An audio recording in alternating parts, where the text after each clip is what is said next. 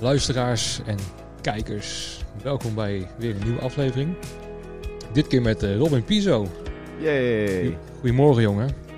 Hoe gaat het met je? Eh, ja, eh, prima. Even Ja, we- voor, voor de luisteraars die niet gewend zijn dat het via Skype doen. Dit, eh, dit keer is het gewoon eh, online. Omdat jij eh, lekker thuis wilde blijven. Ja. Vanwege het roken. Vanwege het roken. Ja. Nee, eh, eh, vanwege... ja, ik weet niet. Ik, eh, mijn vriendin heeft astma.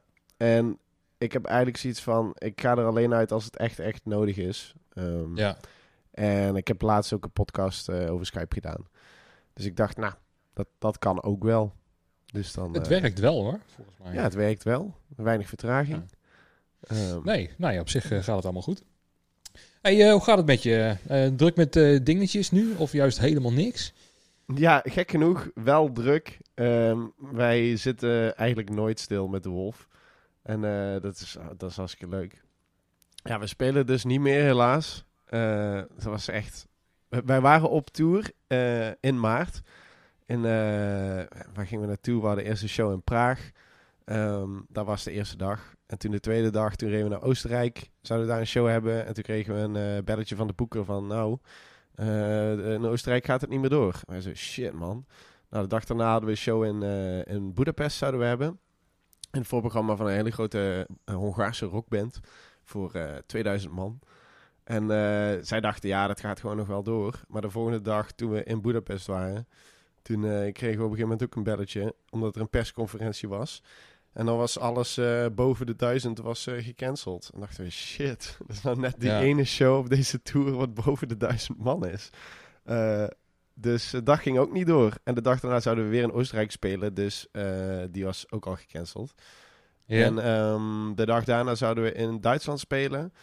En toen was daar ook een persconferentie. En toen was het ook alles boven de duizend gecanceld. Maar in Duitsland zouden we niet boven de duizend spelen.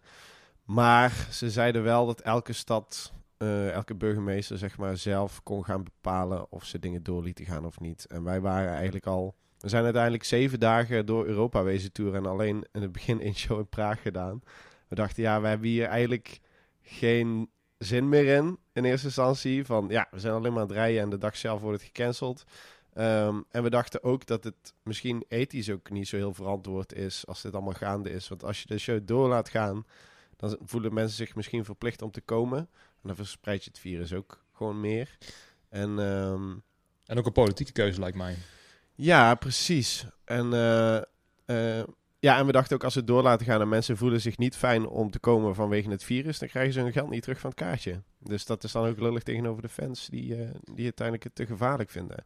En ja, ik ben blij dat we terug naar huis waren gegaan, want een week later waren gewoon bepaalde grenzen al dicht.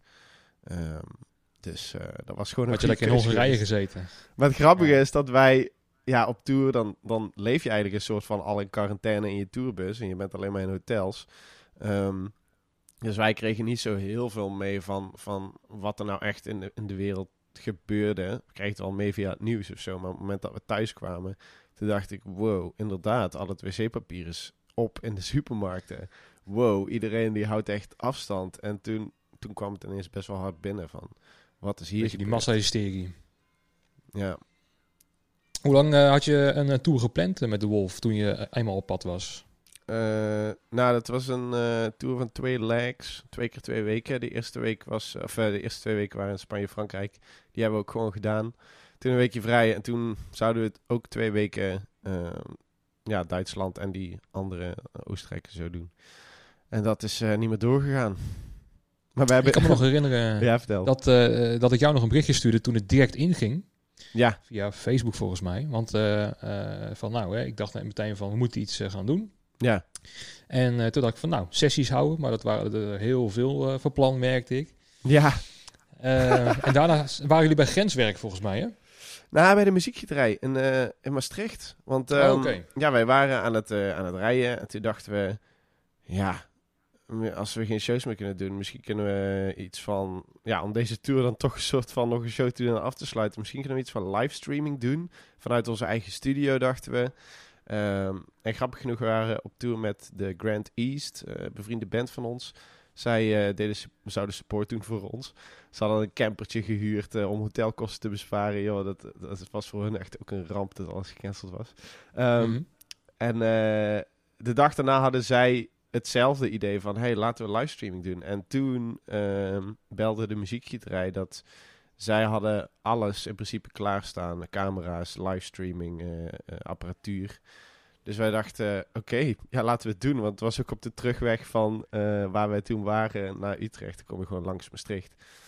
En ehm, dat hebben we toen gedaan. En volgens mij waren we toen ook een van de eerste, omdat we het zo snel geregeld hadden en eigenlijk al op tour waren. Dus hadden alles bij ons. We hoefden daar gewoon maar naartoe te gaan en, en te spelen. En het voelde zo fijn om, om daar alsnog een show te kunnen doen. En ik weet nog dat ik best wel emotioneel was daarna.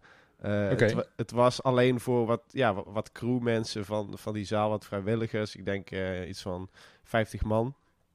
En eh, dat voelde natuurlijk heel weinig gezien voor wat we zouden spelen op die tour.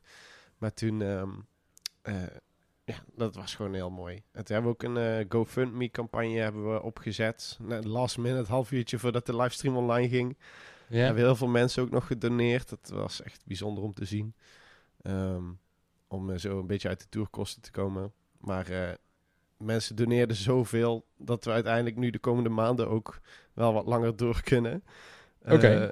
Dat hadden we niet verwacht dat dat zou gebeuren. Maar achteraf bleek dat dat toch wel nodig was. Omdat, eh ja, hoe ver het virus vorderde, merkten wij van shit, dit wordt wel een lange zit.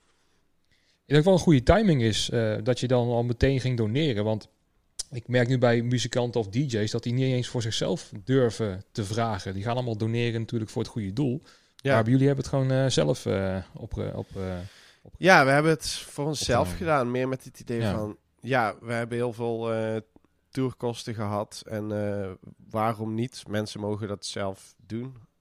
Ja, Nou, ik zou het alleen maar stimuleren ook juist aan bandjes en muzikanten om het gewoon voor, eh, voor jezelf ook gewoon reclame te maken en voor jezelf te strijken. Want jullie moeten ook daarvan leven. ja, dat is wel waar. En eh, ja, dat was ook in een moment dat nog niet duidelijk was dat er zo'n Tozo zou, zou komen. Nu is het misschien ja, wat meer awkward om dat te vragen. Wij, wij promoten die GoFundMe-link ook niet meer of zo. Omdat we ook denken van ja, op een gegeven moment is het wel klaar met geld vragen. Ehm, en eh, ja, we komen de komende tijd ook wel door met nog wat reserves. Maar we zijn ook bezig met, eh, met andere manieren om eh, geld te verdienen. Dus ehm, ja, we zijn bezig met een nieuwe plaat. Daar gaan we nog iets Ja. leuks mee doen, maar dat kan ik nog niet vertellen hier. Maar dat is ook om, eh, op, op die manier hoe we dat gaan releasen. Daar, daar zorgen we ook dan voor dat we ehm, op, ja, dat, dat mensen geld kunnen geven en dat daar wel iets tegenover staat of zo. Was die eh, nieuwe plaat al in de planning of is die gewoon gekomen door de quarantaine? Die is door de quarantaine gekomen. ja, we hadden echt een super druk schema eh, dit jaar. Onze plaat die was pas in eh, januari, fe- februari gereleased. Ja, januari is die uitgekomen. Hadden we release show in Paradiso. En ehm, ja, we zaten midden in de Europese tour. We zouden voor het eerst eh, naar Engeland gaan. Dat zou nu volgens mij zijn, onze eerste Engelse tour. Eh, er waren plannen om eh, wat showcase dingen in Amerika te doen. Deze, deze plaat gaat eigenlijk het beste van al onze eerdere platen. We hebben daar een, een nummer op staan die heel veel gedraaid wordt op de radio. Wie had dat gedacht? De Wolf, een radioband. en Hey. ja, dat, ja, dit zou, dit zou wel echt ons jaar dan eventueel kunnen zijn. En ja, daar is niks meer van over, joh. Klaar, ja. Ehm, heb je ook meer inspiratie eh, door deze tijd uitgehaald of valt dat wel mee? Muzikaal Ehm, gezien. Nou, we doen het nu op een hele andere manier. ehm, de plaat maken. Eh, normaal zitten we met z'n drieën in de studio en dan eh, komt het vanzelf. Dan denken we, oké, we gaan nu weer een plaat schrijven en dan gaan we een beetje jammen. En dan kijken we, oh, wat, voor, wat voor muziek gaan we nu maken? Wat voor nummer gaan we nu maken? En dan hebben we het over nummers die we vet vinden. En dan denken we, oh, oké, zo'n vibe moet ons nummer ook hebben. En dan maken we iets met z'n drieën. Ehm, en eigenlijk toen we terugkwamen van die tour, was ik helemaal... eh, ja, ik zat heel erg in mijn hoofd van... Wow, hoe ziet de wereld er nu uit? Ik, ik kon eigenlijk gewoon niks meer. En ik wilde ook niet naar buiten. Want je moest ook zoveel mogelijk binnen blijven. Ehm, en Pablo, die is eigenlijk... Ja, onze gitarist, zanger... Die is... eh, echt als een motherfucker gaan schrijven. die heeft misschien wel twee nummers per dag geschreven in de eerste eh, twee weken. Ehm, die kan niet stilzitten. Dat is echt niet normaal. Ehm, en hoe we het nu doen, hebben we eigenlijk een paar van die song-ideeën die hij heeft gemaakt. Die, daar skypen we dan nu over. Van hey, hoe kunnen we dat vetter maken? Wat voor vibe moet dat hebben? En dan uh, ja, neemt Luca, de drummer, neemt dan de drums op. En uh, Pablo neemt de gitaar op. En uh, ik neem dan hier vanuit Deventer, ik kan het wel even laten zien voor de kijkers. Heb ik hier een, een thuisstudiootje gemaakt met een orgeltje, woerlietsertje. ik heb een interface gekocht. Ik heb een microfoontje gekocht. En, Je kan alle kanten ja, op. Ja, nu zijn we dat zo op afstand aan het doen. Ik denk trouwens dat de audio interface business vanwege corona echt booming is.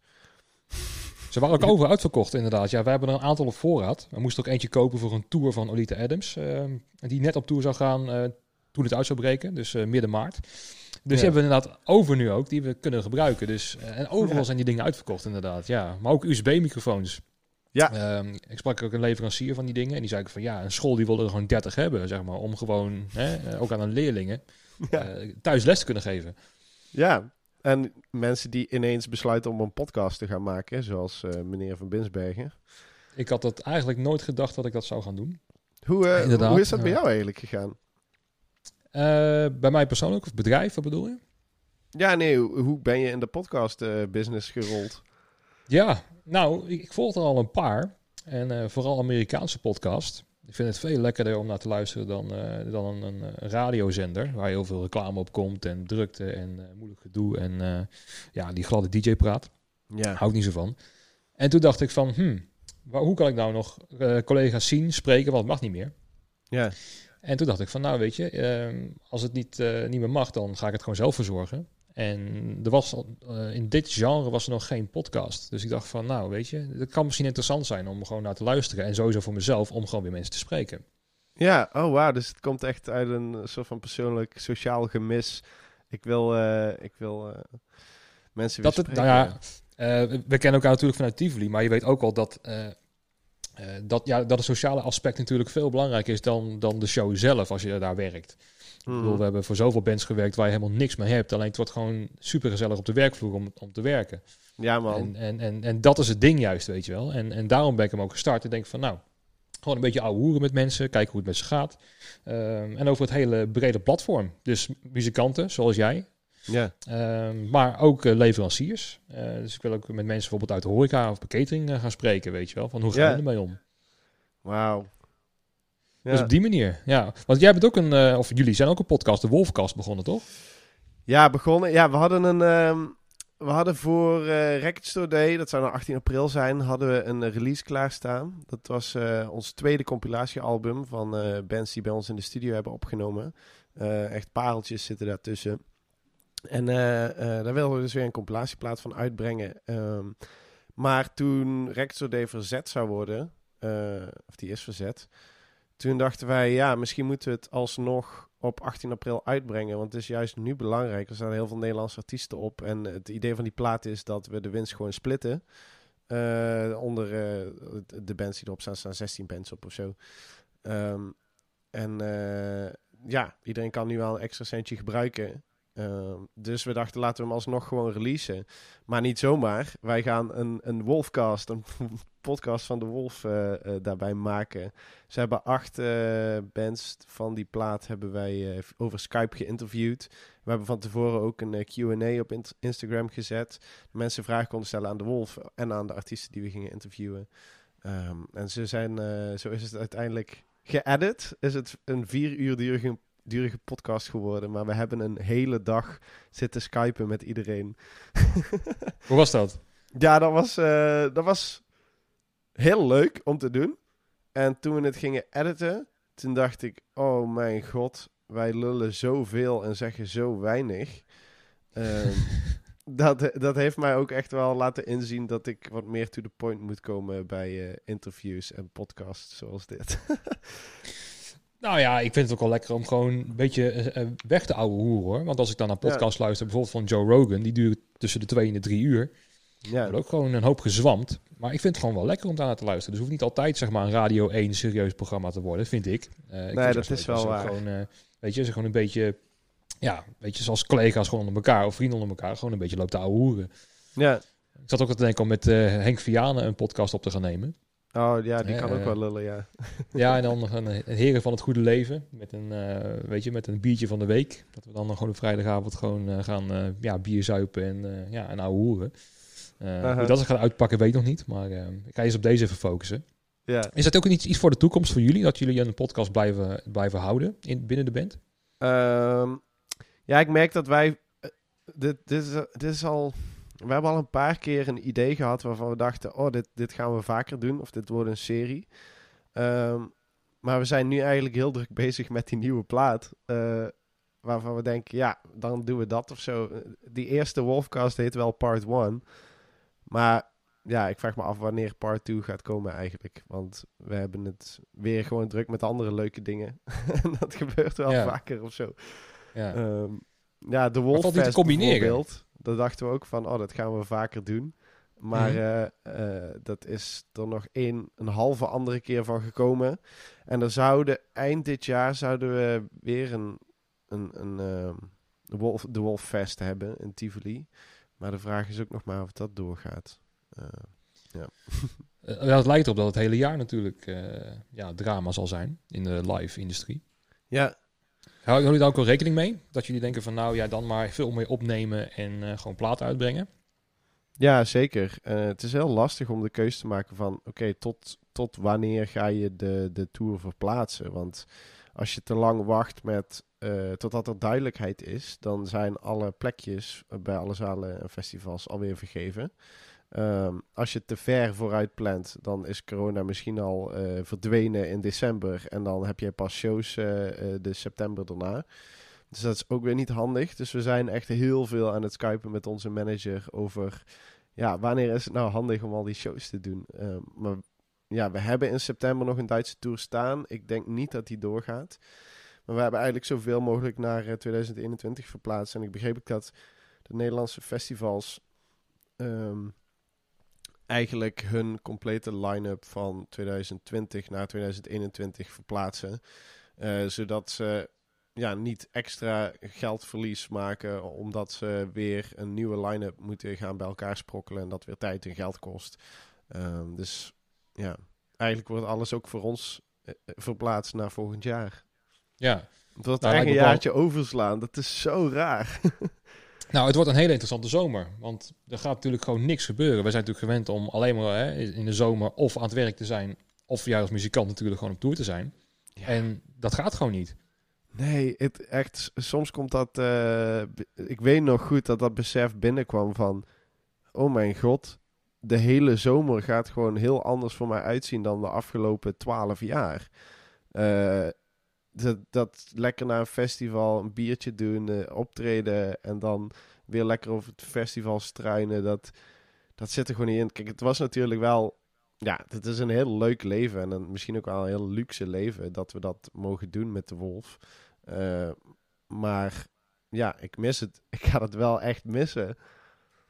Heeft je het ook al aan nadenken gezet? Over van, ja, hè, waar, waar zijn we mee bezig geweest? Hoe heb ik mijn leven eh, geleid? Misschien wel heel erg filosofisch. Maar heb je er wel over nagedacht? Over eh, van, ja, is het wel eigenlijk eh, de koers die we willen varen? Eh, ja, we waren. Ja. Met, met de Wolf. denk ik eigenlijk dat als het voorbij is, dat we gewoon weer. Ja, het oppakken of zo. Maar. Ik denk dat, dat alles weer heel erg wennen wordt. Wij, hoe je normaal strategisch een tour plant. eh, van, want je wil dat er zoveel mogelijk mensen komen. Dus je moet bepaalde steden op bepaalde dagen doen. En bepaalde landen in bepaalde eh, eh, maanden. Ik denk dat dat er ook weer heel anders gaat uitzien. Dus ik denk dat het heel erg wennen wordt hoe je nu weer strategisch dingen moet doen voor de carrière van de band. Ehm, ik hoop wel echt dat het dat dat in ieder geval weer teruggaat naar normaal. Dat, dat live spelen niet een soort van verdwijnt. Ik, ik schrik heel erg als, als een aanvraag krijgen van... ehm, volgens mij was Amco daarmee bezig of zo. Dat zij eh, samen met een ander bedrijf en een grote uh, loods dan bands willen laten optreden en dat dat dan wordt uitgezonden op uh, tv of zo. En toen dacht ik, oh, dit gaat dan uiteindelijk een verdienmodel worden. Betekent dit dat de live shows met gewoon publiek dan aan het verdwijnen zijn? Daar schrik ik heel erg van. Maar ik denk dat het zo diep in, in de mens zit om, om muziek live te ervaren. Dat, dat als het terug kan komen, dat het ook echt terug wel komt. Nou, indoor wordt het lastig natuurlijk, hè? Als je gaat kijken hoe het uh, nu eruit ziet. En als de minister zegt van alleen als er coronavaccin is, dan wordt het weer uh, evenementen weer toegestaan. Ja. Dan op zich wordt het wel een lastige situatie. Klopt, maar ja, ik ga er wel van uit dat er volgend jaar ergens een vaccin komt en dat het dan, uh, dat het dan weer gewoon mag of zo. ja, daar hoop ik op. Ik, ik, ik kan het niet aan om te denken van er komt nooit een vaccin en uh, dit gaat gewoon nooit meer gebeuren. Dan zou alle hoop voor mij verloren zijn. Want voor mij is het live optreden echt de, de beloning van al het harde werken. Kijk, het is leuk om, om muziek te maken en om creatief bezig te zijn. Uh, maar voor mij is, is wel het live optreden de beloning. En ja, met dit vooruitzicht, dan is er weinig beloning voor mij. Uh, het is heel weird. Ik had het daar met Pablo over dat nu een soort van de gratification die je krijgt van het maken van, van muziek voor mensen. Dat is nu afhankelijk van hoeveel likes je krijgt op Facebook als je een uh, filmpje stuurt uh, of online zet die je in de studio hebt gemaakt. Um, en eerst was de gratification, je staat dat nummer te spelen, het nieuwe nummer wat je hebt gemaakt voor, voor publiek en ze klappen.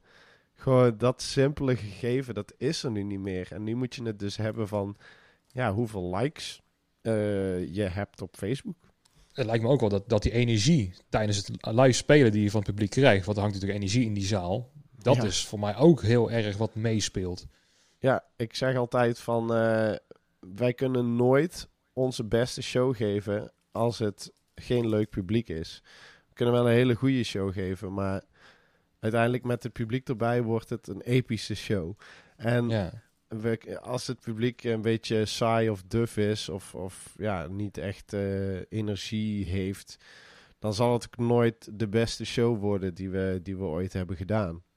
Je hebt dat echt nodig. Uh, want dan gebeuren er ook dingen op het podium, dan, dan voelen wij dat en dan durven we meer van, van ons te laten zien. Voor ons op het podium spelen is, een, um, is altijd een soort van avontuur. We weten niet altijd waar het naartoe gaat. En ehm, eh, je neemt soms risico's, muzikaal, en soms ook niet. En als je dat doet, dan geef je jezelf wel bloot of zo. Want je kan ook op je bek gaan als je ineens een ander deel in een nummer probeert te stoppen. Uh, wat we niet hebben afgesproken. En ik merk dat we dat ja, alleen maar proberen als we ons veilig voelen bij het publiek. Dat het uh, publiek het vet vindt wat we doen en die energie er, er is. Dan dan hebben wij ook zoiets van, alright man, dan, dan gaan we er ook echt voor. En dan maakt niet uit als we op ons bek gaan. En dan proberen we allemaal nieuwe dingen. Ehm, Hoe kijk je als muzikant tegen livestreaming aan op dit moment? Ehm, ja, we hadden er dus één gedaan en we krijgen veel uh, aanvragen om dat nog een keer te doen. Ook ja, jij vroeg het ook. Ehm, maar ja, het voelt een beetje raar als je dat één keer hebt gedaan. Uh, om dat dan nog een keer te doen. Uh, omdat. Uh, ja, voor mijn gevoel, als iemand dan thuis zit en die heeft die livestream van De Wolf gezien. En dan komt er nog een online. Dan ja, voelt het voor mij een beetje als hetzelfde. Of zo. Omdat je. Ja, snap ik. Uh, ja, omdat je niet op een andere plek bent. Je zit gewoon nog steeds thuis. Misschien is het podium iets anders, maar dat ervaar je toch niet heel anders als je thuis zit te kijken. Um, dus wij zijn nu wel heel selectief in, in wat voor livestream dingen we doen. Uh, ik heb dat nu ook al een beetje in de, in de studio van ons. We hebben dan uh, een nieuwe single uitgebracht. En dat hebben we dan vanuit de studio voor 3FM gedaan. Dat is dan gefilmd. We hebben dat voor Radio 2 gedaan. We hebben dat voor de Spotify socials gedaan. We hebben dat voor uh, Gibson Instagram gedaan. En dat zijn eigenlijk allemaal dezelfde beelden. En we spelen dan diezelfde single. En ja, dan, dan op een gegeven moment voelde het een beetje nutteloos. Alsof je een, een hele tour aan het doen bent in, in hetzelfde podium. Ja. voor hetzelfde publiek, wat geen is. Geen publiek, want je bent voor niemand aan het Nee. spelen. Nee. Nou, wat ik voor ogen had toen ik jou vroeg, het was echt in die, diezelfde week hè, dat, het, eh, dat het speelde, eh, die lockdown, was meer dat ik een, een, een, een sessie wilde houden, geen livestream. Want dat, ja, technisch gezien is dat eh, ja, echt een uitdaging. Dus wat ze Mhm. nu in, bij, bij de FNA doen, elke dag een livestream, nou, dat, dat, dat heeft zich echt ontwikkeld tot eh, ehm, ja, wat het nu is. En, maar die kant wilde ik niet opgaan. Ik wilde gewoon meer sessies houden in de grote zaal of in de ronda of in de hertz. Dat je gewoon als band een half uur een sessie gaat opnemen. Mm. En eh, eh, ja, gewoon dat je ook iedereen niet aan het werk houdt, maar dat we gewoon met z'n allen weer iets kunnen doen. Zoals, hè, zoals ik nu ook met deze podcast doe. Is gewoon de, de, de, ja, de, de crew die je normaal gesproken gebruikt, hè, dat die gewoon iets te doen hebben. Dat het eerder een soort van therapie wordt dan, dan uiteindelijk geld verdienen of zo. Want dat gaat gewoon in deze tijd niet. Nee, dat gaat niet meer. Weet je, maar dan lijkt me ook voor muziek, als muzikant zijn. Van ja, eh, je moet die overweging wel gaan maken als je eh, wil gaan eh, of gaan streamen of een sessie wil gaan doen. Je moet toch in die bus, je moet toch een dienst gaan uitvoeren. En je krijgt er geen geld voor. Dat lijkt me ook wel een- iets raars. Zo van ja, dat ga je ook niet zomaar doen, lijkt mij. Nee, ehm, nee, dat klopt. Eh, ik weet ook niet hoe dat gaat zijn als uiteindelijk er 30 man mogen bijeenkomen en 100 man mogen bijeenkomen.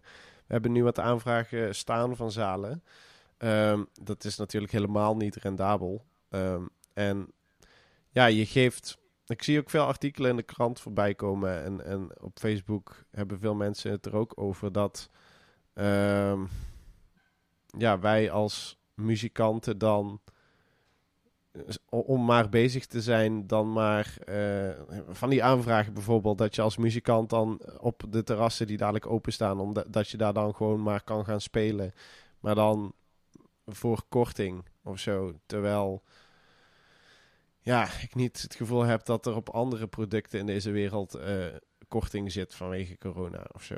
Dus mensen Nee. denken, oh, muzikanten willen heel graag spelen, dus die doen dat dan wel voor minder geld. En dan, en dan ja, ga je wel afvragen van, moet ik dat wel doen? Of moet ik mijn kunst wel eh, zijn waarde laten behouden door het exclusiever te houden of zo? Kijk, we willen heel graag spelen en we zijn nu ook met z'n drieën aan het spelen. Maar, eh, en we vinden het heel leuk om voor publiek te spelen, maar het is wel iets wat je moet afvragen inderdaad. Van hoe, hoe makkelijk geef je dat, dat stukje van jezelf weg? Misschien is het wel een idee om dan gewoon weer straatmuzikant te worden. gewoon op een plein te gaan staan. En dat mensen gewoon in feite een tientje erin kunnen gooien. Misschien Ja. er nog de meeste op. Ja, dat is een beetje wat we met die GoFundMe-campagne hadden gedaan. We hebben een livestream gedaan en mensen konden doneren als ze het leuk vonden. Ehm, ja, Ja, nou ja, wat ik dan ook wel merk, ehm, is dat het wordt nog steeds een beetje als hobbymatig gezien. Hè? Een beetje muziek maken. Hè? Dat eh, is geen Ja. hele serieuze business. Ja, inderdaad, precies dat. En daarom denken mensen, oh ja, eh, muzikanten willen toch wel spelen, dus eh, ja, laat ze maar langskomen voor een livestream. En dan hebben wij weer eh, extra reclame voor onze zaal. En dan, eh, eh, nou, die doen Ja, dat dan en- toch wel voor, voor geen geld. En wat ik ook wel het probleem is, is dat er ook heel veel muzikanten of bandjes zijn die dan alsnog het voor niks doen. Dus dan dat jullie dan daar in feite gewoon een, een vergoeding voor, voor willen hebben. Of een deel van hè, de opbrengsten die je dan samen maakt. Maar er zijn Ja. altijd muzikanten, denk ik, die dan zo wanhopig zijn. Of denken van ja, ik ga me gewoon zelf in de kijker spelen door juist alles gratis aan te bieden. Ja. Eh, dat dat juist weer de markt verpest. Ja, dat is zeker waar. Ehm, ja, dat is echt helemaal waar. En ik denk dat wij met The Wolf wel al een op een bepaald level zijn in Nederland. Dat wij eh, eigenlijk wel kunnen zeggen van... Nou, we hoeven niet meer overal gratis te spelen om, eh, om in de kijker te komen staan. Of, Nee. ehm, dus dat wij wel wat selectiever daarvoor kunnen zijn. En dat, ja, dat is natuurlijk helemaal geweldig. En vind ik heel fijn dat dat kan. En dat is heel bijzonder. Ben ik heel Je hebt wel voor. opgebouwd. Ja. Ja, precies. Ehm, ja, het, het, blijft vreemd. Ik kan me nog steeds niet echt een, een, een situatie voorstellen dat we eh, ja, weer naar buiten kunnen met festivals. En ja, ik met Proton ben natuurlijk heel erg afhankelijk van de festivals, want dat is het, mijn, eh, mijn verdienmodel nu. Ja. Ehm, en ja, dat gaat nu gewoon niet. En ik zie ook niet echt een oplossing daarvoor. Dus in dat opzicht is het wel een beetje een, een, een rare tijd. Hè. Ik zie wel andere bedrijven iets proberen. Dat je bijvoorbeeld eh, eh, bedrijven die normaal gesproken eh, technische productie doen, die gaan nu bijvoorbeeld terrassen op anderhalve meter maken of, of decks maken en zo, dat soort oplossingen. Mhm. En dan vraag ik me ook mee af van ja, ehm, eh, weet je, het hele verdienmodel is gewoon weg. En hoe, hoe, hoe, hoe komen we hier uit? Want ik denk dat als het doorgaat en ook de zomer helemaal niks gaat gebeuren, eh, Mm. ja, dat gewoon de helft van de bedrijven of de bandjes, nou de bandjes zullen wel overleven, die gaan nog wel door, denk ik. Maar ja, Ja. de bedrijven, zometeen dan kan je dus wel optreden op een festival, maar dan is gewoon de leverancier er niet meer.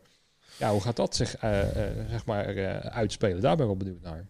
Ja, ik ook. Of wat is het nou? Dat, dat het grootste ar- uitzendbureau of arbeidsbureau van, eh, van festival. eh, Eventure? dan om security of zo, heette dat?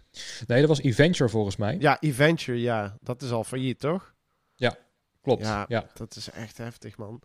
Ja. Ja, ja ik, weet, ik weet het echt niet hoe, hoe dit moet gaan blijven werken. En dat is een van de redenen waarom die festivals dan het programma hetzelfde hebben gelaten als volgend jaar. En dus ook het offer. Want eh, weet ik veel, stel dat wij met de Wolf eh, een, een hitje scoren in deze tijd. En eh, we zijn ineens een miljoen waard om een festival te spelen. Nou, dan hebben de festivals volgend jaar hebben dan wel de Wolf nog voor de prijs dat ze dan dit jaar hebben gehad. En zo proberen wij ook dan de, de, de zalen, doen we dat hetzelfde mee. Zo proberen wij de zalen en de festivals dan ook ja, te helpen. En ehm, Hoe denk jij over gages? Want ehm, bij de extreem eh, grotere bands is het natuurlijk belachelijk, hè? richting de 2 miljoen of daarboven, dat ze voor een festivalletje vragen ja, om er twee op te treden. Eh denk je dat dat gaat kelderen? Eh, ten eerste voor de grotere acts, maar ook bijvoorbeeld voor jullie als band. Moeten jullie daarmee gaan spelen, denk je? wow, dat is echt een hele goede vraag. Want we hebben een boeker en die doet ja, de gages. Ik zou ook echt niet weten wat wij nu krijgen op een festival. Oké. Ehm, eh, want ik vertrouw mijn boeker en ik vertrouw dat hij weet wat wij waard zijn. En ehm, soms krijg ik wel eens wat dingen mee en dan denk ik, oh ja, dat klinkt best wel goed. En eh, we zijn buiten coronatijd financieel ook gewoon gezond genoeg. Eh, en het gaat ook omhoog naarmate wij bekender worden. Dus ja, ik heb ergens wel het idee dat hij, dat, hij dat goed doet. ja. Maar ik, ja, ik denk dat die. Dat het. Ja, eh, een voorbeeld. Als wij dadelijk in juli voor eh 80 man gaan spelen. eh, want je mag er al 100 eh, in een zaal hebben. Dus dan heb je band, crew en zo. Nou, dan blijven er 80 mensen over. Nou, een kaartje die kan je niet 100 euro laten kosten. Maar een kaartje blijft eh 20 euro kosten of zo. Eh, dan komt er gewoon maar zoveel geld binnen. En mensen moeten betaald worden. En vaak is het wat er dan overblijft, is voor de band. Ehm, dat gaat sowieso minder zijn dan wat we normaal krijgen als we in een zaal spelen. Ehm, en misschien als uiteindelijk festivals weer mogen, maar met een lagere capaciteit, dan komt er ook gewoon minder geld binnen bij de festivals. En is er ook minder Ja. geld over voor de, voor de bands. En die belachelijke bedragen voor die hele bekende bands. ehm, nou ja, blijkbaar komt er genoeg geld binnen bij een festival om dat te kunnen betalen. En uiteindelijk draait een festival wel ook om de muziek. Ehm, en het is heel lastig om, ja, zoals jij zegt, muziek wordt wel een beetje als een hobby gezien. Maar, eh, en, en misschien dat een cateraar eh, zich een hele dag eh, de, de pleuris werkt om, om frietjes te bakken op een festival. Ehm, maar ja, die krijgt dan minder betaald en een band krijgt belachelijk veel. Maar een band heeft wel jarenlang geïnvesteerd in zijn bedrijfje, zijn band. En muziek gemaakt en geleerd om muziek te maken. En uiteindelijk is hij dus op een level gekomen om dan ja, dat geld te verdienen. En ja, die belachelijke bedragen. Ik kan me ook echt wel voorstellen dat, de, dat het een hele grote productie is. Wat, wat ook eh, tien keer meer kost dan de gage die wij op een festival krijgen. Omdat wij niet lasers en eh, weet ik veel wat allemaal meenemen. En dat maakt, Klopt, ja. dat maakt die productie wel gewoon wat, wat, wat het maakt of zo. Nou ja, het is wel zo dat de echt grotere bands die maken het ook wel steeds gekker qua wat ze allemaal meenemen. Ik bedoel, ik kan nog een Paul McCartney herinneren die dan 26 trailers meenam naar, naar Pinkpop. Eh, weet je, dat hoeft niet. Weet je, dat, dat, dat hoeft niet. Weet je, bij een Ramstein kan ik me voorstellen, want daar gaat het om, om die show, snap je? Dat, dat is gewoon een soort van, eh, ja, geen rockopera, maar echt gewoon theater en, en vuur. En, dus dat hoort er wel bij, maar Mhm. ja, bij gewoon een beentje met, met, met zoveel trailers. En houdt ook heel veel mensen aan het werken, dus dat is ook wel weer zo. Maar Ja. ik, ehm, ik denk wel dat er op een gegeven moment een, een overkill aan festivals was. Ehm, Hè? Eh, zeker in Nederland, als je kijkt hoeveel, hoeveel er waren en hoeveel concurrentie er was ook in, uh, in de toeleveringbedrijven uh, die ook met kortingen zaten te smijten en zo. Dus in dat Mhm. opzicht vind ik het op zich wel, nou ja, eh, niet zo heel erg dat het iets normaler misschien gaat worden over de toekomst. Maar ehm, Mhm. nou, wat, wat, wat de binnenschoot, eh, wat je net zei. Kijk, zometeen mag je inderdaad maar voor 30 man eh, of voor 100 man eh, gaan, gaan optreden. Maar er zijn natuurlijk ook een hoop mensen in Nederland die gewoon een normale baan hebben, niet op vakantie gaan en heel veel geld hebben. Dus als je dan maar ex exclusieve show verkoopt voor 200 euro per kaartje voor 30 man, ik denk dat er Mhm. best wel wat mensen zijn die denken van ja, ik ben er dan bij als een van de 30. Dat het gewoon een soort van VIP optredens worden. Ja, En Dat het uiteindelijk weer goed gaat ja. komen. Ja, dat is echt iets heel waars. Want eh, ja, er zijn nu wat zalen in Nederland die willen een soort van eh, eh, een serie gaan, of serie concerten gaan organiseren voor 15 euro. Ehm, en voor 15 euro entree. En de vraag was ook eh, van een paar zalen of wij dat wilden doen. En toen dacht ik echt, waarom maar 15 euro als de Wolf daar full blowen met alle gear en eh licht, lichtman, geluidsman, weet ik veel. Als ze met de hele reutemeteut daar zo'n exclusieve show voor zo weinig mensen weggeven, dan waarom moet dat dan 15 euro zijn? Dat is minder dan dat een normaal de Wolf kaartje kost. Ja. Eh, en dat is ook inderdaad best wel raar gezien heel veel mensen met een normale baan nu extra geld hebben omdat eh, het allemaal wat, eh, wat goedkoper is. eh, hun leven wat Ik- goedkoper is geworden. Ik zag voor mij op het nieuws dat er een, een horecaondernemer was die op een gegeven moment op Marktplaats zijn kroeg opendeed voor een avond voor 30 man, voor 30 vrienden. Eh, Ja. En er was al iets van 3000 euro opgeboden, serieus bot. Dus er zijn echt wel groepen die denken van ja, exclusief eh, gewoon voor mij. Hè, Of als bedrijf zijn, ik zeg maar wat. Dat een bedrijf denkt van ja, wij willen de wolf zien hè, met de 30 man of 100 man. En dat je gewoon zegt van ja, dat kost 10.000 euro. En dan is alles gecoverd. ja. ja, Dan heb je wel Ja, een maar- exclusief concert meegemaakt, zeg maar, in de coronatijd, wat gewoon geen enkel eh, ander bedrijf kan zeggen. Dus het is ook een soort van prestigestrijd natuurlijk voor- daarin voor hun. Ja, we hebben twee keer op de verjaardag van een Russische miljonair gespeeld. Daar doet mij dit aan denken. Eh, die heeft ook echt belachelijk veel geld betaald voor eh, dat we daar een half uurtje speelden op zijn verjaardag. Tussen allemaal mensen in, in, in pak, ook allemaal mensen met geld. Eh, dat was zo raar. Maar het was wel iets exclusiefs, want normaal spelen we niet op, weet ik veel, bruiloften, verjaardagen, weet ik veel. We krijgen wel eens aanvragen en denk ik, ja... Dat kunnen we wel voor iedereen gaan doen. Maar ja, als iemand er belachelijk veel geld eh, neer, neertelt, dan denken we, let's go. Misschien moet je meer in die hoek gaan denken. ja, Ik doe ze Ja. samen gewoon weer contacten, die gozer, als ik jou was. Gewoon lekker naar Rusland met het busje en eh, spelen met die app. ja, ik hoop dat hij tien keer per jaar jarig is, eigenlijk. Ja. Nou ja, of dat je hem hier naartoe laat vliegen. Dat je gewoon in Tivoli de Ronda gewoon opengooit, bij wijze van spreken. En eh, laat zijn familie maar overkomen. En ga daar maar lekker spelen. Ja. Ja, dat zijn allemaal wel goede ideeën. Ja. Oh man. Ja, Ja. maar dat is, dat is ook het mooie van, de, van, van deze soort gesprekken. Zo van, je komt wel op goede ideeën.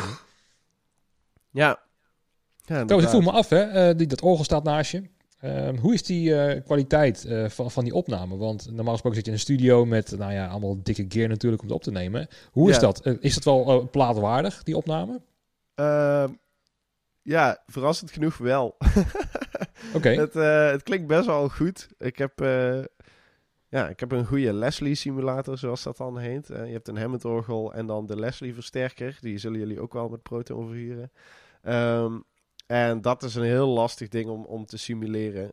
want het is een draaiende speaker. Nou, probeer dat maar eens in een kastje te stoppen die dat digitaal nadoet. Maar de, de Neo Ventilator, die doet dat heel goed. En ik heb een, een Italiaans namaak orgel Hammond ding uit 2006. En die klinkt ook echt ja, best wel goed. Het is heel anders of zo ehm, wel. Je, je feedback, je respons die je krijgt van je instrument. Ehm, als je dat met een koptelefoon doet, dan dat je dat echt eh, al, al rocking of in een studio of een podium doet. Ehm, dus dat is wel even wennen of zo. Ik denk dat de plaat daardoor ook wel iets anders zal zijn. Eh, maar ja, het werkt best wel oké eigenlijk. Eh, we dachten eerst van, oh, we gaan een eh, soort van corona-EP'tje uitbrengen met vijf nummers. Eh, en dan, ehm, eh, weet ik veel, dan, dan bieden we dat te koop aan voor 10 euro. Kunnen mensen dan de, de wafjes, de mp3'tjes downloaden. En dan zetten we dat niet op Spotify, zodat mensen dat ook echt betalen om dat te horen. Maar we waren bezig met die platen. Toen dachten we, oh, dit is, werkt eigenlijk best wel. En dit wordt best wel cool. En we kunnen ook nog wel meer maken. Dus ehm, nu zijn we gewoon aan een volledige plaat bezig. Is het ook een soort van gedachte nu zo van, dit kunnen we wel vaker doen. Gewoon op afstand, gewoon lekker thuis. En eh, vaker inbellen, dat je niet naar elkaar hoeft te rijden in Utrecht in je studiootje. Maar dat je gewoon van afstand al gewoon dingen alvast kan, kan voorbereiden. Of kan inspelen. Nou, het is, het is anders, maar ja, niet... Ik vind het niet fijner of zo. Ik vind het heel fijn om, dat we met z'n drieën eh, die, een plaat zijn aan het maken. En dat we song-ideetjes die we hebben, of ideetjes voor een nummer dat we daar dan meteen feedback op kunnen geven. Van, oh ja, wat je daar deed, dat was cool. Of wat je daar deed, nee, dat moet toch anders. En dan kan je heel snel en ook met heel veel energie of zo kun je dan samen iets maken. En nu hebben we dat een beetje te proberen te simuleren door op dezelfde dagen bezig te zijn aan de plaat. Dus uh, gisteren is bijvoorbeeld uh, Pablo een tekst aan het schrijven. Luca is een, een tweede stem aan het inzingen. En ik ben een, een orgelpartij aan het verzinnen voor een, voor bij een nummer. En ehm, ja, dan proberen we dat naar elkaar te sturen. Maar je krijgt dan toch, pas als het af is, dan een soort van je feedback. En dat is heel anders dan dat je dat gewoon live met z'n drie aan het doen bent. Dus het werkt best wel goed nu. En het wordt ook wel cool. Maar dit is niet iets wat we dan uh, uh, vaker gaan doen. Nou, oké. Okay. dus niet, het voelt voor ons een beetje hetzelfde als die vorige plaat die we op de achterbank van de bus hebben gemaakt. Dat was ook heel leuk met een cassette recorder en een drumsampler en een synthesizertje. Um, dat was heel leuk. En het werkte ook. Uh, maar dat gaan we niet heel vaak doen, want het kost ook heel veel energie en, en, en moeite en tijd. En het clearen van samples, dat kost ook nog heel veel geld. Ja. Um, maar het was wel heel leuk om dat een keer te doen. En zo voelt dit nu ook een beetje van... Ah, laten we, dit, dan laten we deze plaat op afstand maken. Uh, want hè, het virus, dat is toch allemaal wel wat beter... om uh, niet te dicht bij elkaar te komen. En uh, dan... ja, dan, dan hebben we die af. En dan doen we de volgende plaat weer wat anders of zo. Heb je nog contact met andere muzikanten? Of meer contact in deze tijd? Met andere bands, andere muzikanten? Nee, een stuk minder eigenlijk.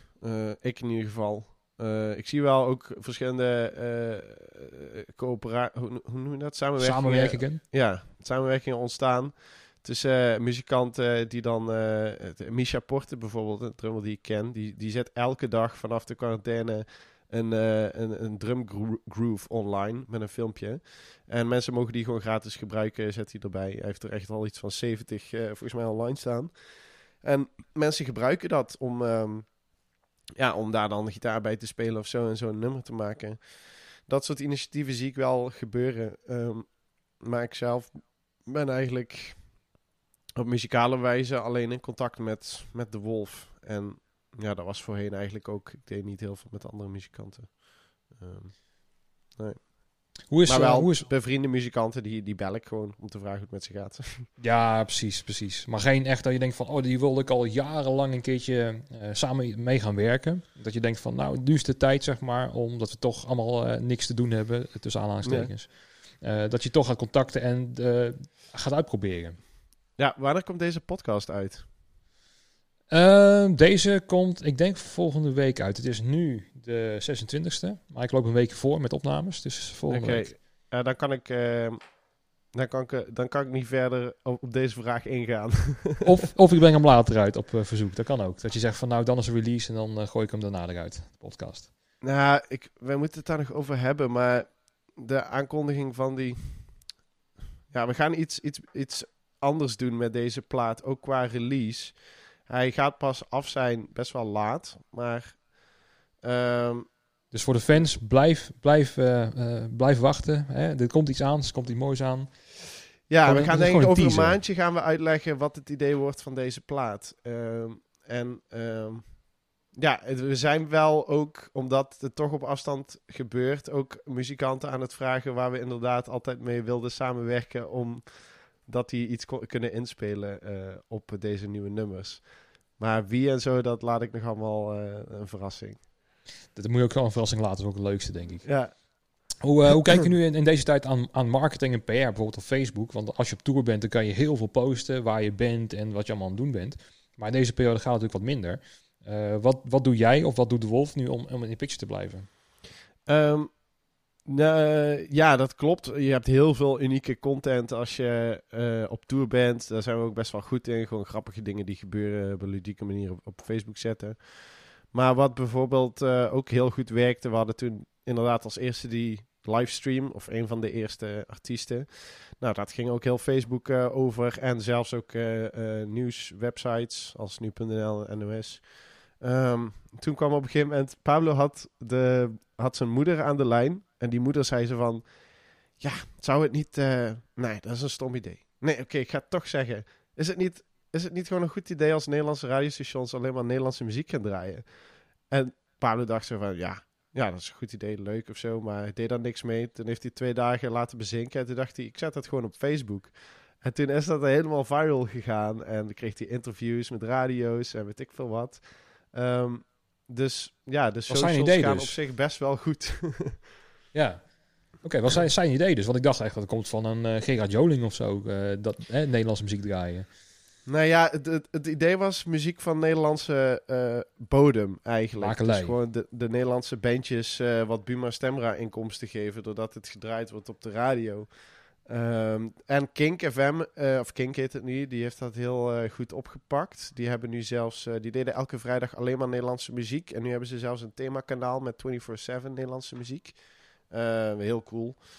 Um, ja, en andere radiostations zijn het nog niet helemaal aan het oppakken.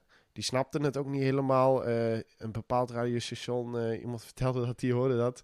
Waar die DJ's van ja, uh, maar uh, ik draai toch al uh, genoeg Kensington en ik draai toch al genoeg, weet ik veel wat. Ilse de Lange. Ja, ja, kom op man, die, die ja. Nederlandse bands die hebben echt genoeg geld en die komen die coronatijd ook echt wel door. Maar het gaat juist om de beetje de underdog bandjes. En wat leuk is, dat wij voor Kink FM mochten dus ook een, een playlist maken voor dat uh, Nederlandse themakanaal. Toen hebben wij dus ook de artiesten van die, van die compilatieplaat daar in die playlist gezet. Dus dat zijn allemaal bandjes die ja, niet heel erg bekend zijn. maar zo wilden we dan toch dat een beetje helpen of zo. Ja. Zie, zie, je ook nu ook wat resultaat door die actie bij, bij jouw band dan? dat, dat er meer gestreamd wordt, dat er meer gedraaid wordt, dat er meer inkomsten binnenkomen? Als het op de radio gedraaid wordt, dan wordt het geregistreerd door de Buma. En dan krijg je dat net als de Belastingdienst pas een jaar later te zien, eigenlijk of zo. Dus het is geen directe. Of oh, wacht eens even. Volgens mij heeft de Buma daar nu wel iets nieuws voor verzonnen dat ze dit jaar eerder gaan uitkeren. Um, dus, ja, het zal, zal wel mooi zijn natuurlijk. gezien, eigenlijk. Om, omdat wij. Uh, op een gegeven moment kan je als band een publishing deal hebben. En dan krijg je van die publisher krijg je een voorschot. En uh, dan krijg je dus geld, en zo'n verlening. En al het geld wat binnenkomt van de Buma, dat gaat eerst naar hun. En wij zitten nog in zo'n lening, dat we hem recent weer hebben verlengd. Uh, uh, dus wij zien dat niet één op één of zo. Of ja, ik zie niet of er meer geld binnenkomt op mijn rekening of zo.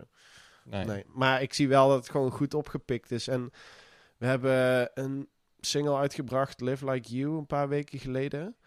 En die gaat gewoon heel goed op de streamingplatforms, op Spotify. Dat was e-, eigenlijk een nummer voor een Skoda-reclame, in opdracht geschreven voor zo'n reclamebureau. En uh, dat hebben we dus als de Wolf uitgebracht, omdat het toch wel een vet nummer was. En uh, die gaat echt super goed. Dus, die wordt ook deze week, vorige week is hij heel veel gedraaid op Radio 2 en 3 FM en zo. Ja. Is het uh, verdienmodel op, uh, ja, op de streamingdiensten nog steeds zo drama als, als dat wij denken? ja, we vroegen laatst aan onze manager. En die zei... Uh, wat zei hij nou? Bij een miljoen plays krijg je 3000 euro of zo. en dan heb je waarschijnlijk dus ook... Als je een miljoen plays hebt... Dan ben je ook wel een band die waarschijnlijk een label deal heeft. een plaatcontract, zoals wij dat ook hebben. En een platencontract betekent dat uh, het platenlabel uh, een veel groter percentage pakt van de winst dan jij, omdat zij heel veel uh, promotie investeren. Um, zo, zo even dat elkaar dan uit. Ja. En ja, dus wij krijgen van die 3000 nog maar heel weinig. En ons best gedraaide, gestreamde nummer, dat heeft volgens mij 1,4 miljoen. En ja, daar houden we dus niet heel veel aan over. Dat is gewoon van de afgelopen 12 jaar. Is dat ook als een. Uh, Ja, is het ook eens een overweging geweest in de band om, om een andere keuze te gaan maken in de, uh, niet zozeer in de muziek die jullie maken, maar wel zo van, oké, iets meer commercieel denken. Dat je echt een nummer gaat maken van, nou ja, dat kan een hit worden. Of is het altijd gebleven met, nee, we maken gewoon onze eigen muziek en je doet er gewoon mee? Um, nou, het grappige is, is dat onze muziek uh, smaak ook veranderd is door de jaren heen. In het begin waren we heel erg van de psychedelische nummers en zo lang mogelijke solo's. Maar de smaak is uh, door de jaren heen wel veranderd naar uh, bands als The Band of Little Feet. gewoon best wel bands met nummers die gewoon kort zijn. En dat het ook meer om de nummers draait dan de gitaarsolo's of de orgelsolo's. Ehm, en zo zijn we dus ook meer gaan schrijven. En dat, dat geeft automatisch een wat commerciëler nummer. En ook bijvoorbeeld met die laatste plaat hadden we niet heel veel middelen op de achterbank van de bus. Um, maar één drum groove en een synthesizertje en een gitaartje. En daar moesten we het mee doen. Dus we konden niet heel veel variëren in um, ritmepatronen of weet ik veel wat. Normaal maken we nummers best wel ingewikkeld. Maar door die uh, creatieve uh, belemmering of zo... Um, zijn er dus wat, wat ja, simpelere nummers uitgekomen. En moesten we de nummers meer schrijven op, op tekst en, en song dan op... Oh wauw, check deze drum sound of deze drum fill of uh, deze solo. En daar is dus ook een uh, heel catchy nummer uitgekomen. Um, dus het gaat eigenlijk natuurlijk. Uh, we denken niet van, oh, we moeten nu een hitje maken of zo, want dan zijn we binnen het zou wel lekker zijn als je een beetje het extreme model hebt. Hè, met, uh, dat ze normaal gesproken keiharde muziek maken en dan een keer More, more Than Words uitbrengen. En uh, dat je alleen maar die moet gaan spelen op een festival. Maar aan de andere kant, hè, je kan er wel uh, ineens een boost mee krijgen qua, qua inkomsten. Zeker waar. Dat is toch ook met Triggerfinger gebeurd of zo? Um. Zelfs met een cover van, van een nummer, moet je nagaan. Dus ik weet niet of ze ja. er echt veel aan verdiend hebben. Nee, maar ze zijn wel bekender geworden. Ja, ja dat wel. Ja. Ja, en ze moesten dan ook dat nummer alleen maar spelen of zo. Terwijl dat eigenlijk een ja. opdracht was van Giel. Dan moet dan altijd, als je daar langskomt, dan moet je, moet je ook een cover spelen. Ja. Heb je ook bij Giel gezeten, uh, ooit? Om een, cover, om een cover te spelen? Ja, we hebben heel vaak bij, uh, bij Giel gezeten om een cover te spelen. Um, en ja, dan, dan zien we... Dan moet je dat uit de top 50 doen of zo. Of dan krijg je zo'n lijst. En denk echt, oh mijn god, dit zijn echt allemaal van die nummers waar ik gewoon helemaal niks mee kan. Taylor Swift. Um, ja, en, en ik weet niet, we hebben het ook best wel druk met de band, in, met, met eigen muziek maken en uh, alles daaromheen. We doen heel veel ook, ook zelf, uh, dingen als artwork, videoclips verzinnen. Um, we hebben altijd wel nieuwe projecten of zo. En dan denken we, moeten we nou echt een, een hele dag in de studio uh, wijden aan een nummer wat we niet leuk vinden, dat proberen te coveren. Daar proberen iets, iets leuks van te maken. Waarom, waarom moet je als je naar de radio gaat altijd een cover ook spelen? Waarom kan je niet gewoon in plaats van één eigen nummer en een cover gewoon twee eigen nummers spelen? Is dat niet vet genoeg of zo? Nou, het is natuurlijk wel een uitdaging als zijnde uh, muzikant om iets wat je totaal niet aanspreekt, uh, om, te, om te toveren in iets wat je wel aanstaat. Ja, klopt. Maar ik, ja, ik besteed mijn tijd liever aan gewoon iets creëren wat gewoon helemaal van ons is. Of zo. Ja, als, ja. als we dan een studiodag hebben, dan denk ik laten we iets nieuws maken of zo. In plaats van uh, kijken hoe onze muzikale skills zijn en uh, van iets uh, lelijks iets moois maken. Dan denk had ik, je daar ja, ook een, ja, had, had je daar ook een keuze in? Bij, bij Giel had je daar een keuze in. dat je zei, hè, want hij vraagt altijd om een, om een cover te spelen. Maar kan je als band ook zeggen van ja, doen we niet. Maar word je dan niet meer uitgenodigd?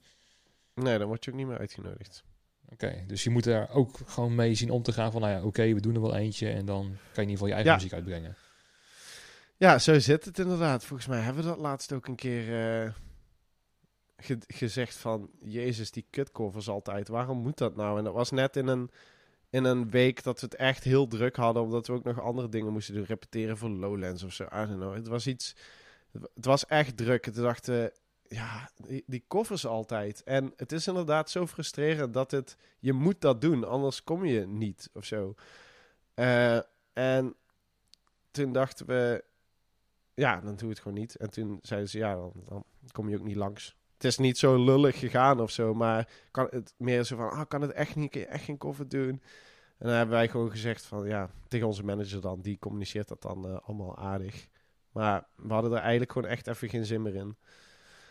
We dachten, ja, is de Wolf dan niet gewoon genoeg om eh, gewoon eh, alleen een eigen nummer te spelen? Is dat dan, ja, blijkbaar willen Ja. mensen ook iets, iets bekenders dan horen of zo. Snap ik, Ja. ja. Heel stom, Ehm, die Monopoly hoor. Ook, ook bij De Wereld Rijd Door is dat ook altijd eh, zo'n ding. Op een gegeven moment hadden ze dan de minuut niet meer. En dan word je gevraagd van... hey, eh, we hebben iets nieuws verzonnen, wil je dit doen? En dan, zit dat, dan voel je daar niet helemaal lekker bij om, om daar dan... Om dan in die rubriek iets te maken. Maar dan denk je toch als bent... Ja, je bent dan toch op tv en het is dan toch wel goed. Eh, dus het, het voelt als een soort van monopolie... die, die eh, radio-dingen en, en tv-dingen hebben van... En ja, je voelt je dan soms ook gewoon een beetje slaaf daarvan. Dan, dan ga je toch iets doen wat je niet helemaal tof vindt of er niet helemaal lekker bij voelt, om dan toch maar op de radio te komen. Eh, Ja. Ja, want vooral Ja. bij De Wereld Draait Door bijvoorbeeld. eh volgens mij mag je daar twee nummers volledig van tevoren spelen. Hè, voor de uitzending, die dan online komt. Ja. Eh, en daarna mag je maar of één minuut of anderhalve minuut eh, spelen. Voor mij internationale artiesten mogen anderhalf. En Nederlandse artiesten, als ze ook een praatje van tevoren hebben met Matthijs. Hè, want het 30 Ja. seconden duurt, mogen die maar een minuutje.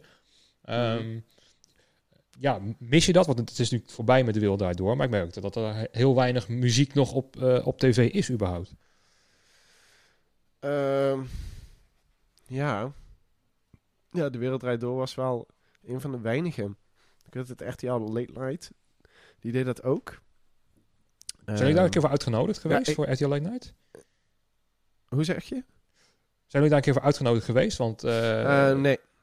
want ik weet wel dat de wereld draait door, dat hij veel meer eh, ja, verschillende stijlen laat horen. Hè? Dus ook wel Mhm. een beetje de rockbandjes en zo. Maar RTL Late Night kwam alleen maar André Hazes en eh, de top 40 waar je het net over had inderdaad. Ja. Eh, nee, inderdaad, daar zijn we nooit voor uitgenodigd. Echt heel vaak bij de Wereldrijd door geweest. Eh, het is ook super dankbaar voor. Ehm, maar bijvoorbeeld te geven dan eh, Eric Clapton, die, die had aangekondigd dat hij dan niet meer kon spelen omdat hij iets aan zijn handen had. En een biografie was uitgekomen. En dan vroeg ze de Wolf om een soort van drie minuten durende medley te maken van Eric Clapton. Nou, hij heeft bekende nummers als Tears in Heaven. Die, die, dat, dat vind ik gewoon helemaal niks. Ehm, maar dat za- zagen we erbij alweer hangen. Ja, dan moet in die medley moet dat dan zitten. Dus we hadden al Ja. gezegd, ja, we willen het doen. Maar alleen als we deze nummers van hem mogen spelen. En uiteindelijk Ja. waren ze daar akkoord mee gegaan. Ja. Ehm, zo proberen we dan wel een beetje bij onszelf te blijven. En, en niet helemaal slaafs, eh, slaafs te voelen. Snap ik, ja. Ehm, we lopen tegen het einde van de podcast aan. Echt? Eh, Oh. Ja, tenminste, je- je mag ook wel doorgaan hoor, maar we zitten nu op ongeveer 55 minuten, denk ik, zoiets. Ehm, ik, ik heb altijd een vraag aan het einde, dat vind ik wel interessant. Eh, wat, wat zou jij niet missen als we weer op, op gang mogen? Wat zou je absoluut niet missen aan dit vak? Hè? Of het nou festivals is of recording of whatever. Hè, wat, wat zou je als eerste denken van nou, als dat achterwege, achterwege blijft met deze crisis, vind ik het best. Eh, Een hele, hele lange stilte dit. ja, op muzikaal gebied kan ik niet echt iets verzinnen. Want ik wil eigenlijk wel weer dat het gewoon terug gaat naar normaal. Ehm, Ja, meer zo van, ik heb een keertje iemand gesproken die dan de, de catering bijvoorbeeld van een X-festival, dat hij het helemaal niks vond. Of eh hè, Oh, krappe, krappe backstage of gewoon zoiets, Oh, weet je. Oh ja, omdat je filosofisch zei, ging ik ook echt heel filosofisch. Nee, nee, nee, nee, nee, echt gewoon van eh, eh, op een festival van als ze dat kunnen skippen, alsjeblieft. Nou, wat ik heel fijn vond, is dat eh, we hebben nu twee radiodingen gedaan in deze tijd. En eh, ze hebben dus nu, kunnen ze net zo makkelijk blijkbaar gewoon met een technicus langskomen en een cameraman bij ons in de studio, waar alles al klaar staat, waar we zelf een hele vette sound mogen maken. Eh, dan komen ze langs en dan zijn we live in de uitzending door over internet of zo. En dan lullen we met de DJ en dan spelen we ons nummer. En dan gaan ze weer weg. En dan denk ik, oh wauw, dan hoeven we niet meer om vijf uur s ochtends op te staan om de bus in te laaien. Daar alles op te bouwen, te soundchecken.